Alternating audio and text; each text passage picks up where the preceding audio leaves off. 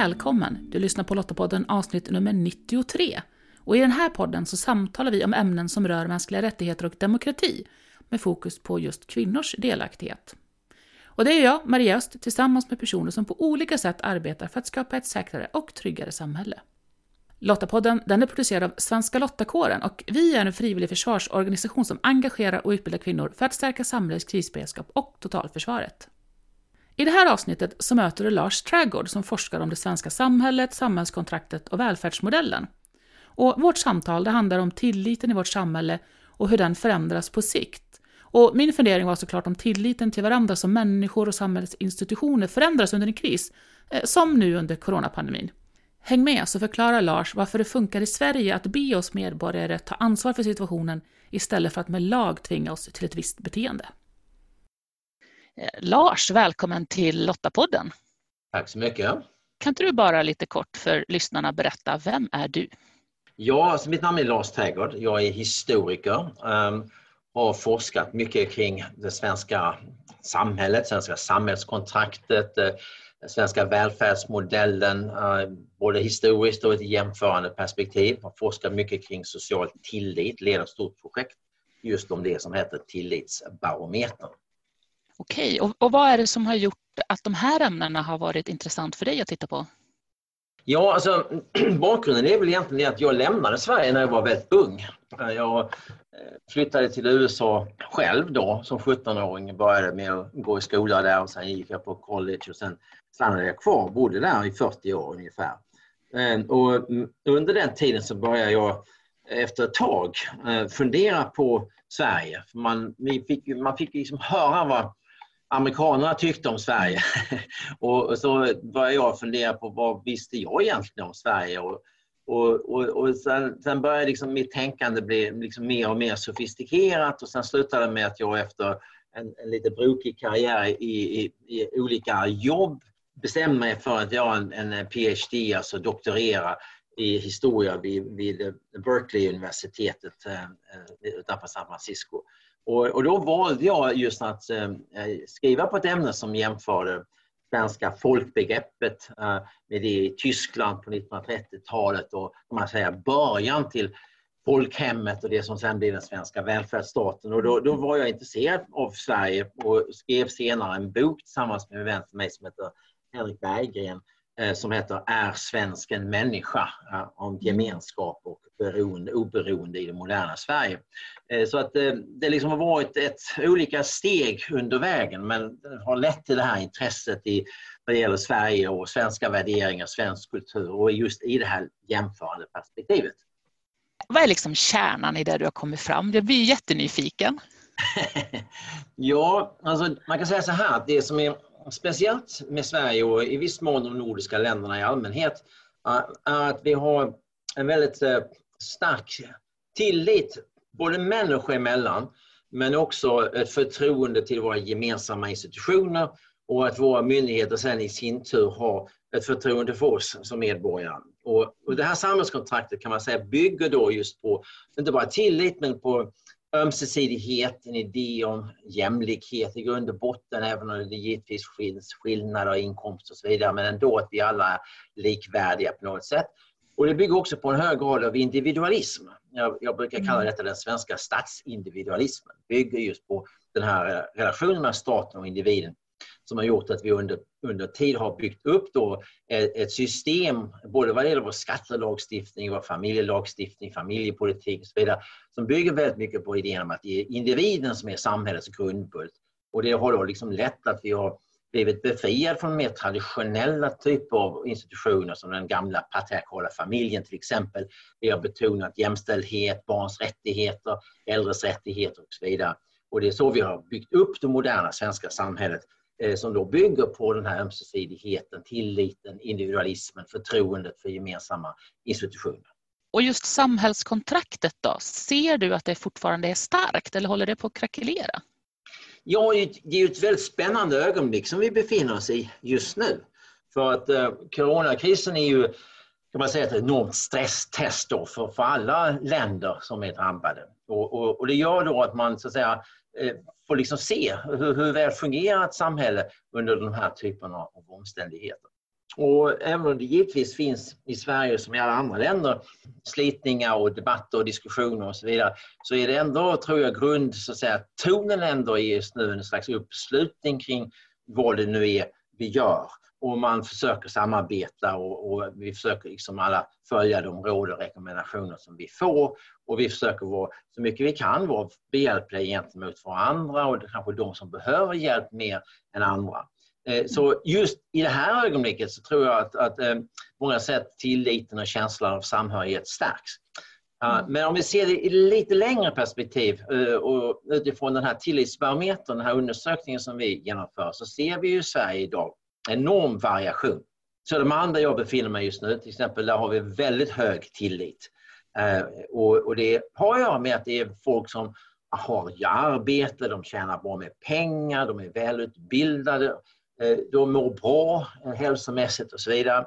Eh, men om vi rör oss ner till en stadsdel som i Malmö, som, som Rosengård eller för den delen Rågsved i Stockholm, så ser vi då en mycket, mycket lägre nivå av tillit. Och det här, det här handlar ju då också om att man i de delarna, i de här stadsdelarna har mer problem med arbetslöshet och utanförskap, kriminalitet, fattigdom, ohälsa och så vidare. Och det gör också att man inte känner sig riktigt delaktiga i samhället. Samhällskontraktet är liksom inte närvarande på samma sätt.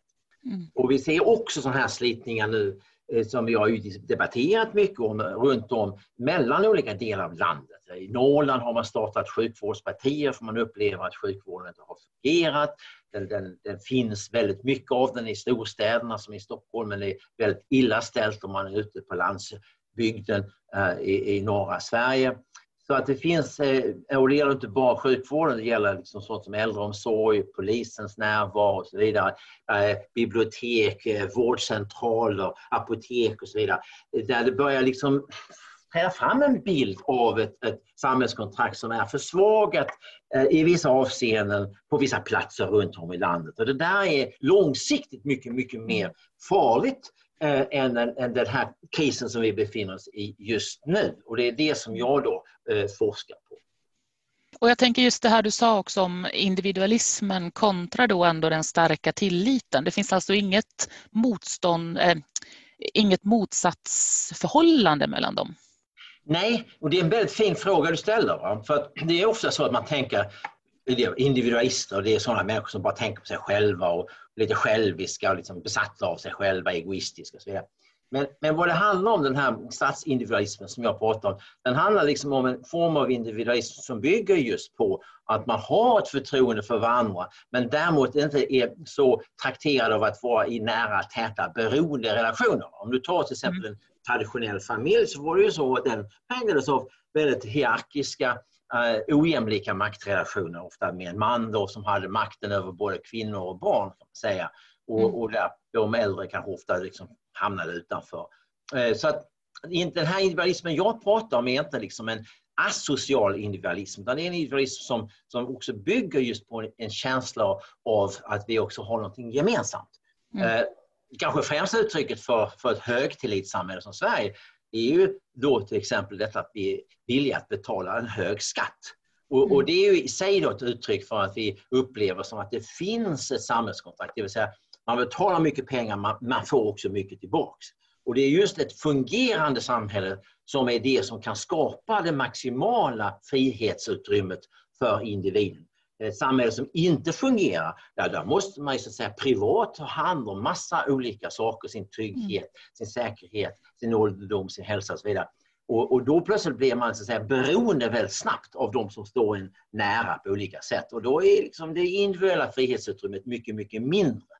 Ja, för jag tycker den frågan är så intressant just kring individualismen. För om man tittar på Global Values-skalan så ligger ju Sverige väldigt, väldigt långt ut och skiljer sig från alla andra länder så vitt jag kan se. Men kan inte du förklara den skalan lite och vad det är som gör att vi ligger där uppe? Och hur ja, påverkar det oss? Just vad det gäller den här World Values Survey som har gjorts sedan början av 80-talet så är det precis som du säger att eh, Sverige sticker ut och, och sticker ut ganska våldsamt. Vi är extrema i båda de här dimensionerna. Och den ena dimensionen då har att göra med det här som man säger, kallar för överlevnadsvärderingar kontra emancipativa frihetsvärderingar. Och överlevnadsvärderingar kan man säga Det är sånt som är speciellt vanligt i fattiga länder där man av naturliga skäl är väldigt eh, eh upptagen av sånt som rent vatten, husrum, sjukvård, skola och så vidare. Medan man i rika länder som Sverige kan ta mycket av det här för givet Eh, och istället fokusera på sig själv, alltså sin egen karriär, sitt självförverkligande eh, och så vidare. Och, och, och så där är det, det, det är liksom ena dimensionen. Den andra det är kontrasten mellan så kallade traditionella värderingar och sekulära rationella värderingar. Och de traditionella värderingarna, det är värderingar som sätter just den traditionella familjen, eh, kanske klanen, det, det religiösa samfundet, den etniska gruppen i centrum. Det är där man har sin identitet, sin trygghet, man har sina primära relationer där. Eh, och, och, detta är väldigt vanligt i en väldigt stor del av världen. Och de sekulära rationella värderingarna å andra sidan, de ser snarare då individen som samhällets grundenhet. Och ett exempel på detta är att vi i Sverige då har individuell beskattning som är ganska unikt i världen. Eh, mm. Där, där så att säga, oavsett eh, om man eller kvinna jobbar så, så beskattas de så att säga, som individer. Medan i Sverige innan 1970 och i stora delar av världen nu idag så har man familjen som grundenhet. Så att, till exempel om du då tjänar pengar så lägger man ihop pengarna från mannen och kvinnan om det är ett traditionellt äktenskap och så dras skatt på detta och så, och så får man dra eh, bort lite grann för, för de som är beroende av er, alltså som barn till exempel, eller, om det är en hustru man har som, som då gör att man liksom får liksom en skattebonus då för att man på något sätt har, tar hand om de här individerna. Och i Sverige har vi alltså ett system som inte bygger. Utan mm. det här är mycket mer individbaserat och det är då kopplat till andra eh, närliggande värderingar som jämställdhet, som en öppenhet för sexuella minoriteter, för starkare betoning på barns rättigheter, mindre fokus på hierarki och auktoritet. Så eh, eh, återigen en mycket mer individualistisk och frihetlig dimension. Och när man lägger ihop de här två så ser vi som du sa tidigare att Sverige liksom ligger extremt i båda de här dimensionerna. Vi är både sekulära rationella extremt högt och vi omfattar de här emancipativa frihetsvärderingarna. Eh, och det är det som då gör Sverige så väldigt annorlunda. Så det finns liksom inga belägg för att Sverige skulle vara någon slags eh, mellanmjölksland eller landet lagom, utan vi är tvärtom väldigt extrema i, i vårt eh, värderingsmönster. Och utifrån den här skalan då, just de värderingarna vi har, alltså hur, vad kan man se just skillnaderna? Vad är det vi gör som inte... Jag, jag tänker att ofta så kan man väl ändå tycka att vi borde väl vara ganska lika norrmännen i alla fall. Det är ändå det närmaste vi har. Ja, det är vi ju också. Eh, vi, alltså, om vi ser till den här värderingsskalan så kan man ju säga då att, att Sverige lite mer extremt, kanske i Norge, Danmark, Finland, men vi är, ligger i samma härad. Eh, mm. Och, och, eh, så det, det, det, är också länder som är präglade av, av hög social tillit och starkt förtroende för gemensamma institutioner. Uh, så att vi, vi är mycket mer lika än olika de andra nordiska länderna, så är det. Mm. Sen är det väl kanske så att vi i Sverige har haft en, en lite djupare och längre tradition av den här starka förtroenderelationer mellan individen och staten. Mm. Norge hade ju inte någon egen stat under väldigt, väldigt lång tid. Finland var en del av Sverige. Danmark var, var ett, ett, mer av ett feodalt land. Eh, så att det, det, det, finns historiska skillnader som delvis förklarar den här väldigt, väldigt höga liksom, eh, förtroendet till, till, till stat och gemensamma institutioner i Sverige. Men den mellanmänskliga sociala tilliten är väldigt hög i, i alla de nordiska länderna. Och om man tittar på din forskning då utifrån när det då händer en kris, vad, vad händer med tilliten då? Jag tänker alltså både mellan människor men också till staten och, och eh, statliga institutioner. Ja, alltså så här ska jag, jag ska nästan vända på resonemanget. Jag, jag tror inte alltså, kanske så hemskt mycket egentligen händer med tilliten. Det är bara snarare det att tilliten blir då en, en väldigt eh, stor resurs Eh, I, i samhället. Alltså det vill säga att om då statsministern och Folkhälsomyndigheten går ut och säger att eh, vi ska gå på en frivillig linje i Sverige eh, istället för att kriminalisera viss typ av beteendemönster och så att säga, låsa in folk i sina i hem så säger vi att vi, vi, vi sätter ut ett antal rekommendationer och vi, vi, vi hoppas eller vi vill att medborgarna följer detta. Då bygger ju det på ett ömsesidigt förtroende. Att man liksom mm. känner att alltså, medborgarna kan ha frihet under ansvar eh, och att vi känner oss delaktiga i samhället. Vi kan ta ett ansvar eh, för samhället på, på egen individnivå. Eh, mm. Så, så hela liksom det sättet som vi agerar bygger på att det finns den här, tillit, den här tilliten och det här förtroendet. Vad det gäller effekterna kan man säga så här, vi vet ju inte så mycket egentligen om det ännu för det här är ju, det liksom pågår nu när du och jag liksom pratar i grund och botten. Mm.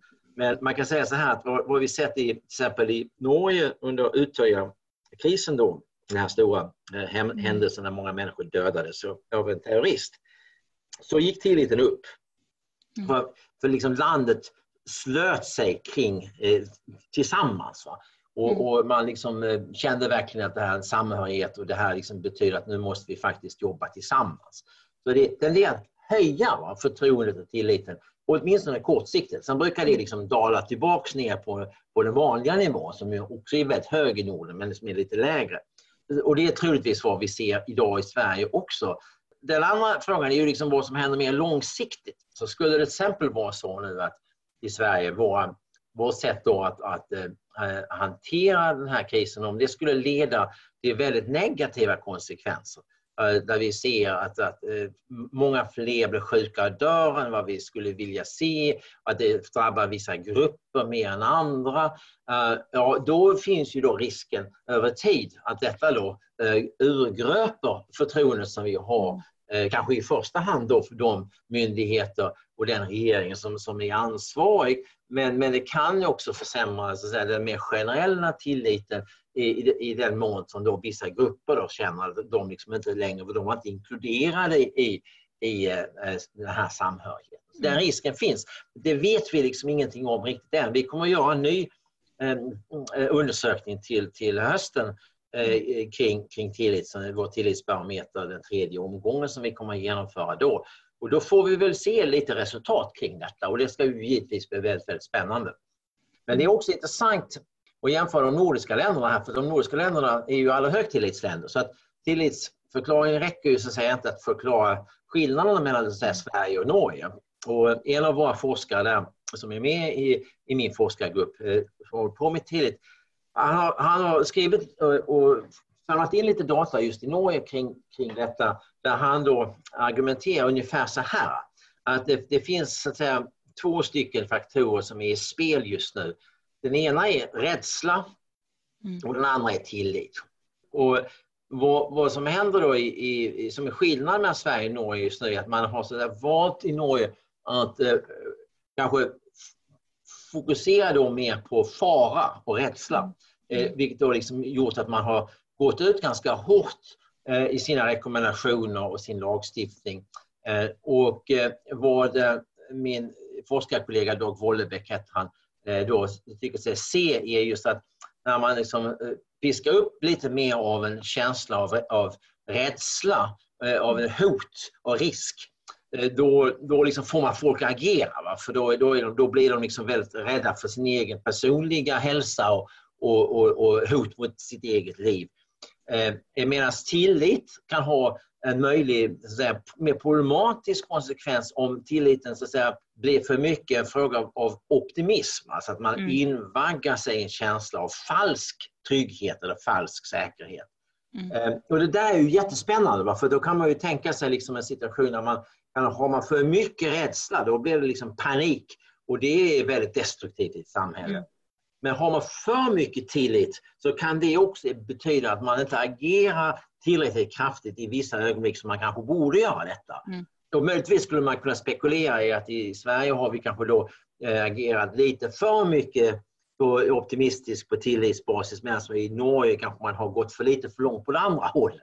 Mm. Eh, men det där är en väldigt spännande fråga och vi, vi vet ju inte ännu så att säga, mm svaren på detta. Och vi vet väl inte om ett år riktigt egentligen kan man utvärdera effekterna eh, vad det gäller liksom skola och, och vad det gör för barnen, vad, vad, vad, det betyder för de äldre, vad det betyder för vår ekonomi och, och vår, vår, våra samhällsinstitutioner. Så det är så oerhört många faktorer med i mm. spel här. Det är inte bara så att säga, sjukdom och dödsfall utan det är ju även samhällets hälsa som vi måste bekymra oss över. Ja men precis och det är väl lite det som Folkhälsomyndigheten har varit väldigt tydlig med att man inte bara man tittar på de långsiktiga konsekvenserna också, inte bara riktigt här och nu utan Exakt, vill det precis. Mm. Och jag tror det är det som många i Sverige också liksom förstår och, och, och kanske eh, tycker är ganska bra. Att vi inte bara så att säga eh, springer in i våra lägenheter och låser dörren och, och liksom hoppas att överleva som individer utan liksom vi vet ju att skolan till exempel är oerhört viktig för våra barn. Eh, den är väldigt viktig för jämställdheten, den är väldigt viktig för alla de kvinnor och män som jobbar i, inom hälso och sjukvård, att, att man inte behöver stanna hemma med sina barn. Så det, jag tror det finns i Sverige en ganska eh, sofistikerad förståelse liksom just av att det finns en balans va, mellan att bry sig om individer som är, är utsatta å ena sidan och våra gemensamma institutioner och den andra. Och vi måste på något sätt ha två bollar i luften. Ja, som du säger, det blir jättespännande att följa allt eftersom eh, pandemin eh, går vidare och förhoppningsvis ganska snart då gör att vi kan börja leva som lite normalt, eh, eller lite mer normalt kanske i alla ja. fall. Men Lars, tack så jättemycket för att du tog dig tid och vi fick reda ut lite begreppen med dig helt enkelt. Ja, visst, jättetrevligt att kunna, kunna vara med. Efter att ha pratat med Lars så har i alla fall jag en större förståelse för varför regeringen och Folkhälsomyndigheten har valt den linje som de har. Sen får vi ju som Lars säger se när pandemin är över och vi kan börja dra slutsatser av att jämföra olika länders agerande, vad som faktiskt var mest effektivt för att hindra smittspridningen. Och till dess så gör vi såklart alla vår bästa för att tillsammans bromsa smittspridningen genom att följa Folkhälsomyndighetens rekommendationer. Och bekräftad information om coronaviruset, det hittar du på krisinformation.se.